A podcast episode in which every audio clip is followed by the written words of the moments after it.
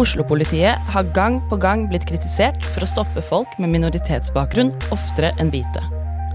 Et prøveprosjekt skulle finne ut om dette faktisk var tilfellet. Nå hagler kritikken. Hva gikk galt med kvitteringsordningen?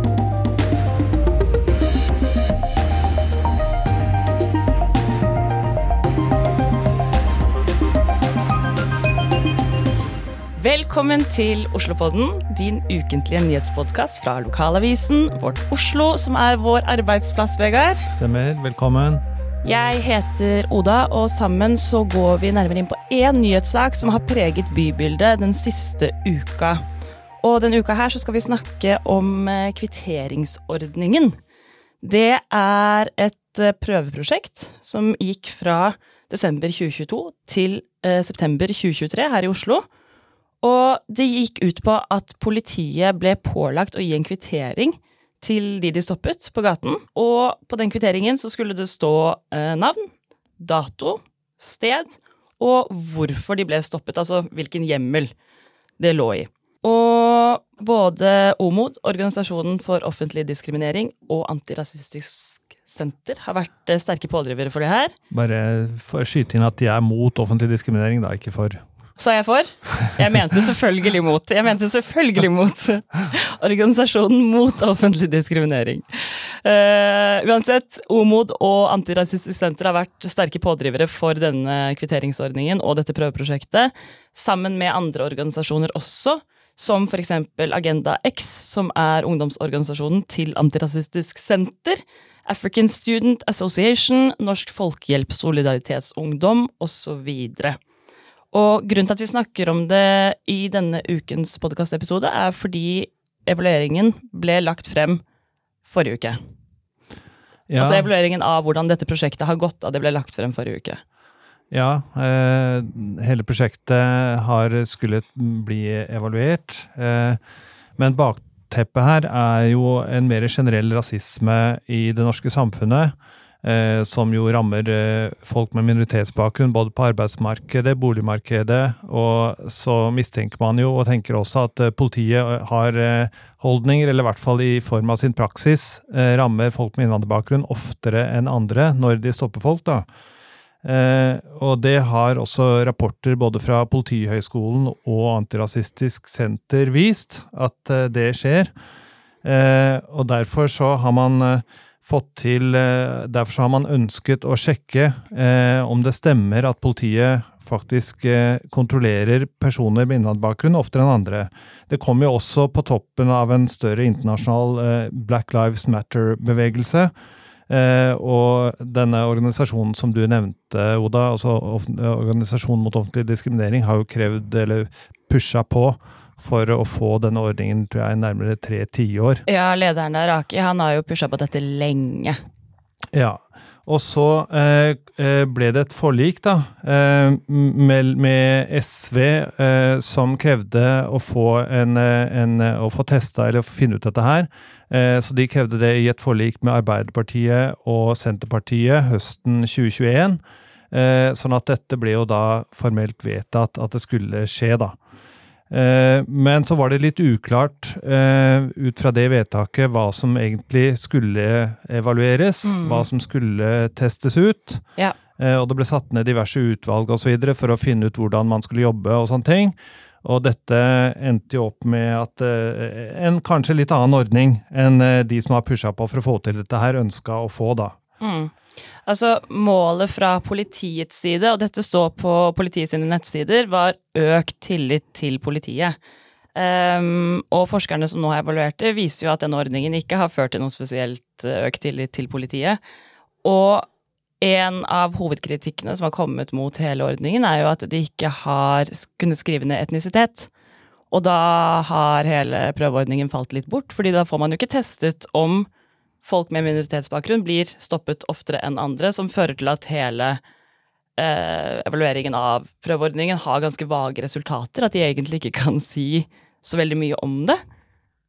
Ja, til de som eh, eh, ikke har hørt om denne ordningen her, så, så, vil jeg si at det forstår jeg veldig godt. Dette er en relativt ukjent sak, faktisk. Eh, altså, det er jo en del organisasjoner som har vært veldig aktive for å finne ut om, om enkelte grupperinger i Oslo og andre steder eh, rammes oftere enn andre. da.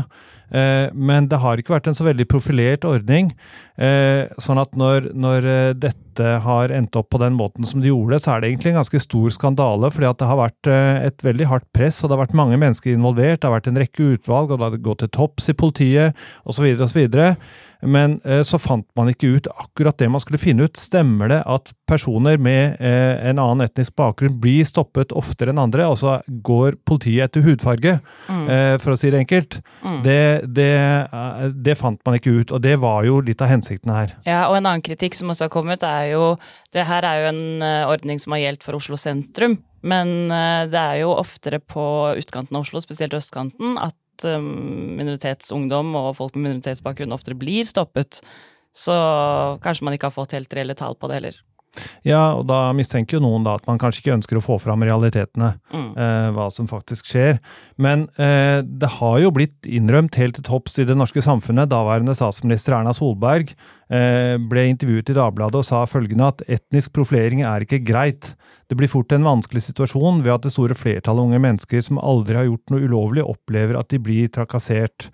Hun, hun ble så spurt i et oppfølgingsspørsmål om tror du det skjer, så, skriver, så, sier hun ja, det har skjedd og skjer. Jeg har også venner fra andre land med en annen hudfarge som bor i Norge og er blitt stoppet av politiet og spurt om de har oppholdstillatelse, særlig i ungdomstiden. Adopterte som blir stoppet fordi de har en fin sykkel selv om de er oppvokst i Fana, som er et fint strøk i Bergen. Flott strøk i Bergen. Ja, nei, jeg syns jo det er spesielt når tidligere statsminister også har uttalt at etnisk profilering skjer. Vi vet at de gjør det, at man da ikke har kunnet notere ned det. Så jeg kan jo se hvor den kritikken kommer fra. Mm. Ja, vi har eh, rett og slett fått med oss eh, en person her i studio som eh, har vært veldig aktiv i denne diskusjonen. Og som også ønsker å få til en god kvitteringsordning. Det er Hatem Ben Masur. Han er leder for Antirasistisk Senter, selv også jurist med menneskerettigheter som spesiale. Så kan du, Hatem, si litt om uh, altså For du har selv fortalt at du har uh, opplevd å bli uh, stoppa på denne måten av politiet. Kan du si noe om det? Ja, altså Første gang jeg ble stoppa på den måten av politiet, var jeg vel tolv år. Eller jeg var 12 år. Oi, så tidlig? Ja, det var rett borti her, faktisk. ved Arkaden. Jeg sto og venta på moren min. Jeg skulle gå og kjøpe basketsko. Jeg spilte basket på den tida. Det var jo populært sånn tidlig 90-tallet. Mm. Uh, så jeg sto der, skulle inn på en butikk der kjøpte noen basketsko, så kom to politimenn bort til meg og spurte om jeg hadde oppholdstillatelse. Altså, jeg var jo forholdsvis høy og så kanskje litt eldre ut enn tolv år. Uh, det var den men Når jeg da snakker klingende norsk, så moren min er veldig nøye på det. Hun er til og med lærer, så det er ikke så rart. så ble jeg litt skuffa og spurte om jeg solgte dop isteden. Så det var en litt sånn spesiell opplevelse. Og så ble de veldig ja. spake når den 1,75 høye moren min med rødt hår og fregner kom strenende over gata og spurte dem hvorfor de snakka med sønnen hennes. Mm. Eh, det var egentlig første gangen. Ellers har jeg opplevd Husker du hvordan det føltes for deg da? Eh, for meg var det litt sånn et sjokk altså Fram til da hadde jeg jo hatt et sånn ganske barnlig, eh, sånn semipositivt eh, syn på politiet. altså I noen filmer er de snille, i andre filmer er de uh, slemme, liksom. og Litt sånn politi med Sebastian-ting. altså Det er jo det man lærer som barn i Norge. ikke sant?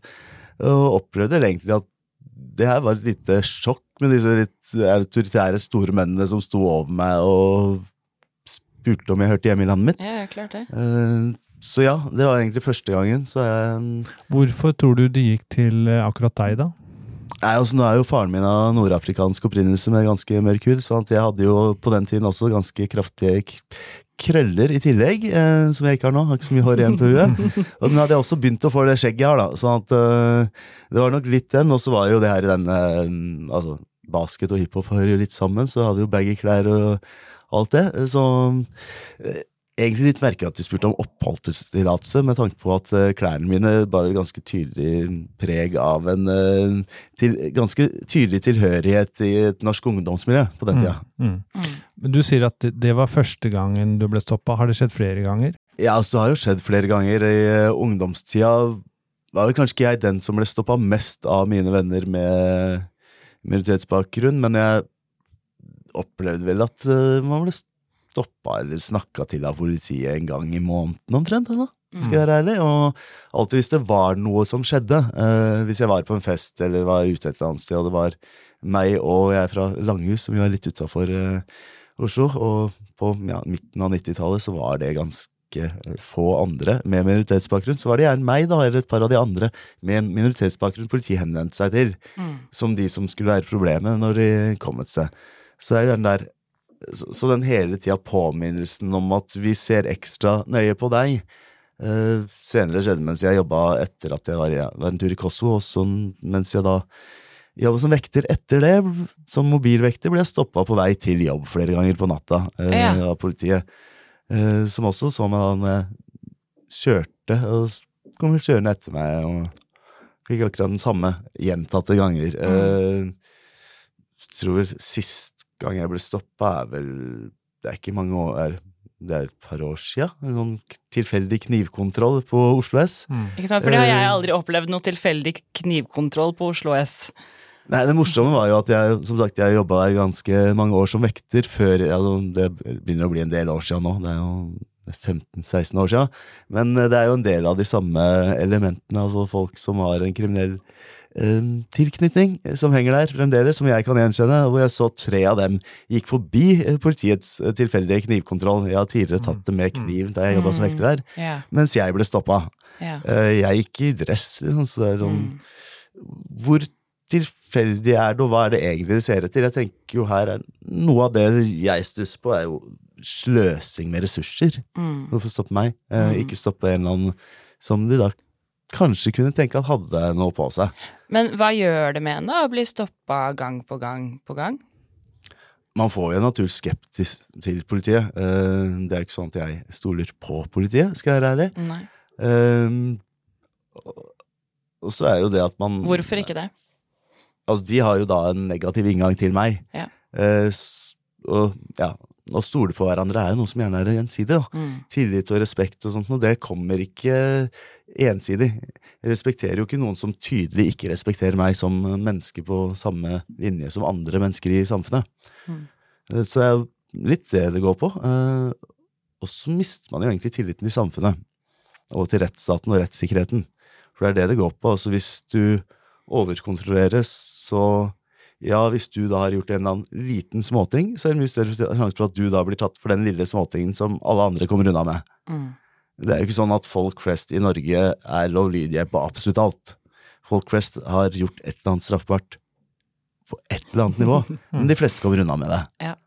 Men jeg lurer også på um, For det er jo Statistikken tilsier jo at folk med minoritetsbakgrunn er ehm, overrepresentert i kriminalitetsstatistikken. Hvorfor er det da et problem at de blir stoppet oftere enn andre? Vel, akkurat det at de er overrepresentert i kriminalitetsstatistikken, er jo en del av problemet.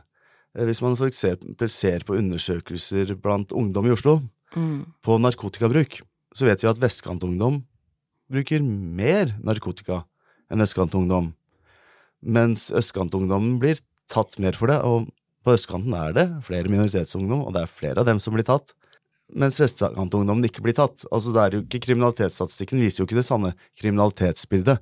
Det viser hvem politiet fokuserer sin innsats mot. Mm.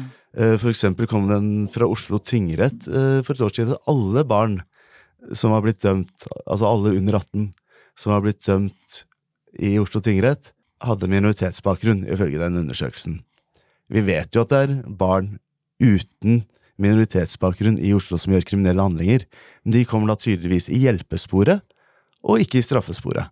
Ja, ikke sant. Så det, kan, det er jo ikke bare en etnisk profilering. Altså, etnisk profileringen er første skrittet i brudd på rettssikkerheten her, ikke sant? Mm. Men kan du si litt, eh, jeg vil forst- forstå det litt tydeligere, altså, for du sier at dette handler om respekt, eh, og at du mister respekten eh, for politiet når de, når de stopper deg på den måten. Eh, Kan du si noe om hvorfor, hvorfor er det et, et mistillit mot din respekt til, til politiet? Hva er liksom logikken der? Altså, politiet skal ha en respekt i at de opptrer lovlydig. Ikke sant? De skal ja, holde loven, de skal være de som på en måte iverksetter loven og i hele tatt uh, ivaretar den. Uh, Idet man stopper noen egentlig ulovlig, fordi du diskriminerer dem, så bryter du jo også loven som politi. Og det er jo litt sånn, når det da skjer gjentatte ganger, så er det jo en kultur innad i politiet. Politiet uttaler jo også at de mener at folk drar rasismekort osv. i denne sammenhengen. Altså det er så mye holdninger og kultur innad i politiet som går på det her som gjør at det ikke er legitimt. da. Altså Når en etat som er satt til å håndheve loven, bryter loven gjentatte ganger, de bryter jo menneskerettigheter. Eh, noe av det som er her, som snakker om tillit eh, Jeg bryr meg egentlig ikke om tilliten, altså, det er jo symptomet. Det er som om jeg har eksem fordi jeg har spist et eller annet jeg er allergisk mot, og smører jeg på krem for å ta det. Mm. Eh, hvordan skjer et sånt stopp? Nei, eh, det kan jo skje på så mange måter. Jeg opplever jo at jeg Som sagt, jeg opplevde jo første gang bare at jeg sto og venta på å skulle kjøpe noen klær, liksom. Eh, andre ganger har det vært ja, som sagt, på vei til jobben. Eh, en del ungdom med, ungdom skjer det jo med bare når du henger ute på fritida, og det er jo litt den der som dere har skrevet en del om rundt trangboddhet og sånt noe. Altså, da må du ut i gata, du kan ikke sitte hjemme og du må faktisk henge med vennene dine ute, sånn som man gjorde i gamle dager. Mm. Eh, det er jo egentlig fint at barn er ute og ikke bare sitter ved skjerm, trodde jeg, eh, men når de da er ute, så blir de jo da kontrollert av politiet. Jeg vet jo blant annet om guttunger som er blitt stoppet fordi noen et eller annet sted, og vi visste ikke hva, hvordan de så ut engang, men hadde, noen hadde knust en rute et sted, så da stoppa de en haug med minoritetsgutter rundt tolv år fordi de var i nærheten, og det var nok dem, fordi ja, uten noe mer begrunnelse, og måtte regnes opp og sette seg eh, foran politiet og sitte der og vente, og foreldrene ble ringt og alt sånt, uten at det var noe grunnlag for det, annet enn at noen i nærheten hadde knust en rute. Mm. Altså, Men man blir stoppa, da? Man blir ikke ransaket eller noe sånt? Jo, man, altså det varierer jo uh, hva det blir stoppa for, eller hvor ivrig polititjenestepersonen er i det tilfellet. Uh, hva de mener at de ønsker å gjøre. Altså, noen blir jo ransaka. Vi har jo en tilfelle av en ja, det er et par år siden, en gutt på 15 år som ble stoppa og ransaka ved en barnehage her i Oslo, og hvor de blant annet, det finnes jo på film, hvor de blant annet graver ned i underbuksa hans, uh, så andre ser det. Eh, det er jo egentlig altså Gutten var 15 år, så det er vel egentlig et uh, Jeg ville jo tenkt at det nesten er en seksuelt overgrep. Ja, både litt ulovlig og veldig uverdig. Ja. Mm. Men når, du, når, når, det kommer sånne hendelser frem hele tiden, som du snakker om med han 15-årige gutten og de eh, guttene med den eh, ruta som blir knust, tenker du etter hvert da at politiet kanskje er mer rasistisk enn andre? Jeg vil vel si at det er en eh, mer rasistisk kultur i politiet enn i de fleste andre etater eller arbeidsplasser, ja, det er det. Det er eh, en stereotypisering av mennesker, altså man kategoriserer mennesker veldig, opplever jeg der. Eh, når i den siste rapporten vi har, blant annet sammen med Redd Barna, rundt dette med etnisk profilering, så er det jo polititjenestefolk som sier at ja, hvis, jeg, hvis, det er en mørkhudet person som har gjort noe, så må vi stoppe alle mørkhudede. Eller hvis en, vi ser etter en pakistaner, så må vi stoppe alle pakistanere. Det er sånn jeg har lært da jeg begynte her. Mm. Mm. Så praksisen er å være litt rasistisk. Eh, og så har vi jo, altså vi har jo tilfeller av folk som jobber i politiet, som har sagt rasistiske ting mens de kveler mennesker. Eh, også mens de kveler dem til døde. Ikke sant? Så han, eh, vi vet jo at uh, politimannen som hadde ansvar for uh, deporteringen av jødene under holocaust i Oslo, jobba til slutten av 60-tallet i Oslo-politiet. Mm. det er jo en kultur da som ikke tar oppgjør med ting. det har vært gjentatte ganger hvor det har vært rasistiske ting som har kommet opp. Det har vært rasistisk vold, og det blir ikke håndtert. Altså, vil jo ikke nødvendigvis si at Altså, alle politifolk er jo ikke rasister, men de som er rasister innenfor politiet, får mye friere spillerom. Mm. Og det er det som er problemet, at man beskytter hverandre hele tiden der. Mm. Og så, eh, for å hamle opp med dette her, så har jo eh, en rekke organisasjoner, eh, både for minoriteter og juristorganisasjoner, tenkt at her, og menneskerettsorganisasjoner, tenkt at her skulle man innføre en såkalt kvitteringsordning, hvor politiet da måtte gi en kvittering når de stoppa en person. Eh, hvor kommer den ideen fra, eller hvorfor tenker man at den ordningen eh, kan gjøre noe med det eh, problemet med rasisme i politiet eventuelt? Ja, altså Ordningen i seg selv vil jo ikke gjøre noe med det, men det vil dokumentere det. Eh, problemet er jo at til og med på lanseringen av denne evalueringen var det en politileder som uttalte at hvis overkontroller skjer, så er fortsatt De erkjenner det ikke selv? Nei, og det er toppledere som har ansvar for de patruljerende i gatene. Mm da er det en umulighet å gjøre noe med det hvis det ikke forankres der oppe. Så kvitteringsordningen, poenget med den, var å kunne dokumentere det og kunne slå i bordet til politiet at kan dere være så snill å forstå det alle andre erkjenner? Mm. Det fins forskning på det. Altså LDO, Likestillings- og diskrimineringsombudet, har lagd en rapport på det. Vi har lagd en rapport tidligere, nå har vi en ny rapport med Redd Barna. Altså, det finnes så mye Altså, det er ikke gjetning. Tidligere statsminister sier det. Politifolk, når de, de beskriver hva de gjør, beskriver etnisk profilering, men de greier ikke å Altså, de fatter det tydeligvis ikke i politikulturen, da. At dette er etnisk profilering. Og så snakker de om at det er et problem at befolkningen ikke har tillit til politiet mm. av dette, og at det snakkes om etnisk profilering, og derfor har ikke befolkningen tillit mangelen på tillit altså For det første så er jo mangelen på tillit en konsekvens, som jeg sa. Og en konsekvens av et menneskerettighetsbrudd og maktovergrep. Det å bli stoppa av politiet når det ikke er egentlig grunnlag for det, er et maktovergrep og et menneskerettighetsbrudd. For da blir du kontrollert stående stille, du har ikke lov til å gå noe sted. Altså, mm. du er egentlig frihetsberøvet da, mm. i den situasjonen. Så det er et menneskerettighetsbrudd. Det er der problemet er. Problemet er jo ikke tilliten, det er et symptom. Og det er egentlig det perspektivet som gjør at alt blir feil. Når politiet snakker om at de, folk må ha tillit til dem, det er jo ikke det Politiet må følge loven mm. og følge menneskerettighetene. Det er der perspektivet burde være. Det er der det krasjer her, da, når ja. vi ikke får fram. Fordi da, dere hadde da håpet, når denne ordningen ble rullet ut, at dere skulle ha nok data da, og samlet inn til å si at hei, etnisk profilering skjer i møte med politiet. Dette må vi gjøre noe med. Ja, øh, og så finnes det jo data andre steder. Altså, I Trondheim-politiet er det jo felt for det i Diskrimineringsnemnda for å stoppe en som da er advokat. Uh, eh, 15 ganger eller noe sånt i løpet av tror det var en toårsperiode, men det er jo folk som blir stoppa mye oftere enn det. Mm. Det kom jo frem fra den evalueringen også at det er 55 personer i løpet av den tiden som har blitt stoppet én eller flere ganger. Mm. Mm. Og det er da i løpet av et år. Men så, men så, ønsket jo dere, og det har vært en, en eh, kritikk da mot eh, ordningen sånn som den ble satt ut i livet, at man skulle registrere eh, etnisk bakgrunn, eventuelt morsmål, eh, sånn at man kunne dokumentere at dette gikk på hudfarge, for å si det enkelt og greit. Um, og så skjedde ikke det, og så sier politiet at dette er noe de ikke har fullmakt til å registrere. Hva, stemmer ikke det? Jeg er ikke helt enig med den uh, juridiske vurderinga.